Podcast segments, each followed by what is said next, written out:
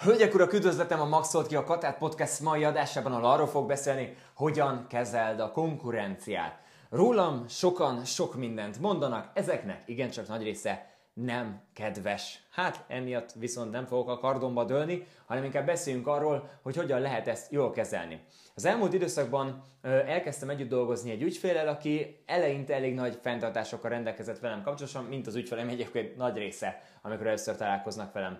De itt tovább menjünk ezzel a történettel, mert hogy az egyik barátját egyenesen megkérdezte, mielőtt elkezdett velem együtt dolgozni, hogy nem -e lesz abból problémánk, hogy, a, hogy ő most a Rolival, Rolival fogok elkezdeni együtt dolgozni, nem -e sértődsze meg miattam, mert hogy ő annyira rossz véleménye van. Gondolom, hát viszonylag egyetem mit mond rám, egy műmájer fasz vagyok, valószínűleg ezt mondja meg, hogy átverem az embereket, hallom nyilván ezeket a hangokat, és pont ez a lényeg, hogy erről beszélünk a mai adásban, mit tudsz ezekkel kezdeni, hogy mit tegyél, amikor ezt kívülről más emberek mondják, vagy abban az esetben, hogyha ez például egyenesen egy versenytársad mondja rád, erről fogunk most beszélni. Hogyan kezeld a konkurenciát?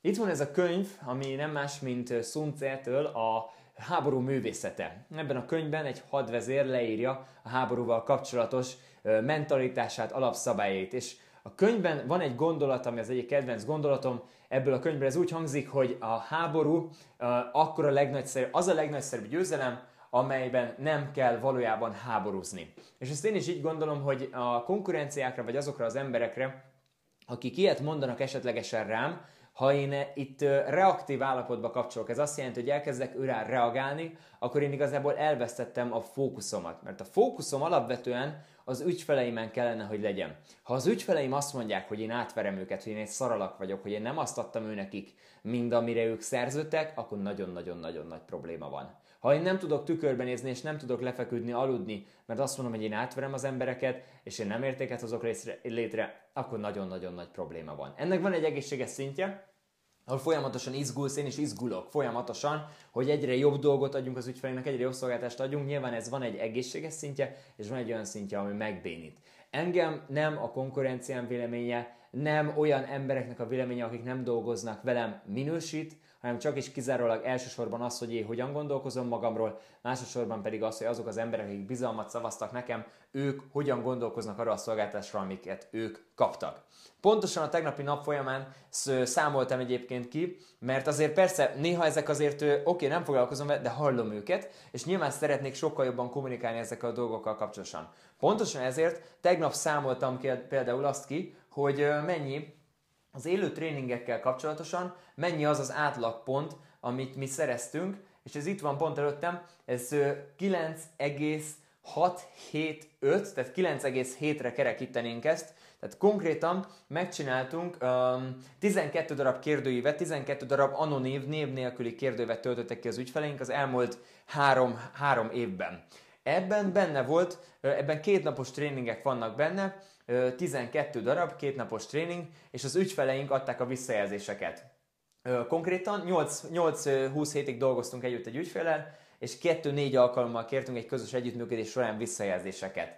Ebből született a, a több évnek a leforgása alatt 317 darab egyéni visszajelzés, és itt 16 darab kérdést tettünk fel a 180 darab ügyfelünknek, akikkel dolgoztunk együtt mastermind szériákban, tehát hogy egy 180 ember, akikkel dolgoztunk együtt nagyon személyesen több hónapig, és ebből a 317 darab visszajelzésből az első kérdés az úgy hangzott, hogy amit 1-től 10-ig lehetett értékelni, hogy hasznosnak érzem, hasznosítani tudom a tréningen megszerzett információkat. Erre a kérdésre 1-től 10-ig 317 darab visszajelzés alapján mi egy anonim kérdőjében mi 9,7-es értékelést kaptunk. Ez az, ami, ez az, ami mondjuk a munkámat tudja értékelni, és nem az, hogy egy konkurencián mit mond rám, vagy nem az, hogy mit mond rám egy olyan ember, aki nem is ismer engem, maximum van egy személyes véleménye rólam, ami egy szubjektív dolog, és soha nem fogok senkinek megfelelni, soha nem lesz az, hogy mindenki szeretne.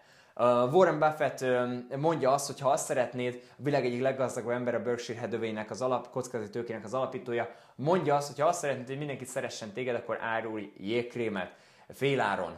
Tehát ha még egyszer, ha azt szeretnéd, hogy mindenki szeressen téged, akkor árulj jégkrémet féláron. Én erre annyit szoktam mondani, hogy ha féláron elkezdesz jégkrémet árulni, akkor sem fog mindenki szeretni, mert azt fogják mondani, hogy valószínűleg azért árulod ilyen olcsón, mert szar helyről szerezted be. Tehát ezzel ezért nem tudok egyetérteni. Nem azt mondom, hogy okosabb vagyok, mint Warren Buffett nyilvánvalóan, hanem csak annyit állítok, hogy még abba is belekötnének alapvetően az emberek. Úgyhogy Úgyhogy nem gondolom, hogy ez egy jó mód lenne. Tehát egy ponton eljön az, hogy elkezded elfogadni azt, hogy nem fogsz mindenkinek megfelelni, sőt, és ekkor jön az, amiről az elején beszéltünk, amit mesterem Itály Polivodától tanultam, aki azt mondta, hogy egy vállalkozónak úgy kell működnie, mint egy lónak szemkötővel. Tehát magyarán rajtam van a szemkötő, nem nézek oldalra. Egyetlen egy konkurencia létezik az én életemben, az pedig én vagyok, és hogy önmagamnál napról napra jobbá váljak. Ez az egyetlen egy fókuszom van nekem, ez az, amit én teszek. Néha nyilvánvalóan ezt a szemkötőt leveszem, megnézem a konkurenciámat, mondjuk piacelemzés szempontjából, ezt nyilván egy évben egyszer-kétszer elvégzem, de annyi. Onnantól fogva ezzel nem foglalkozom, mert az én életemet az, hogy ő hogy áll, hogy ő mit tesz, az nem befolyásolja, és én azzal teszem a legjobbat, ha saját háztájamon kezdek el sepregetni, saját magamnál végzek egy olyan munkát, amire mind az ügyfeleim,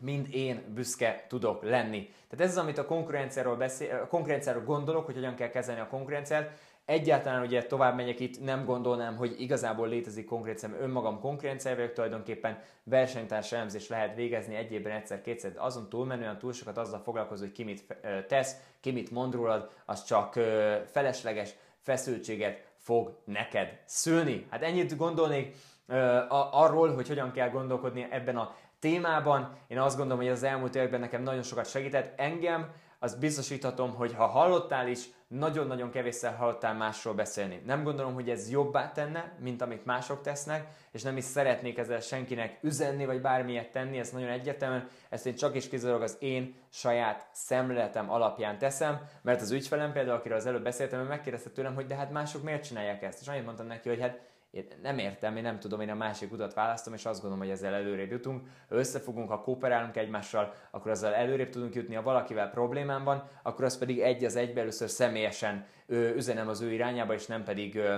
mások előtt.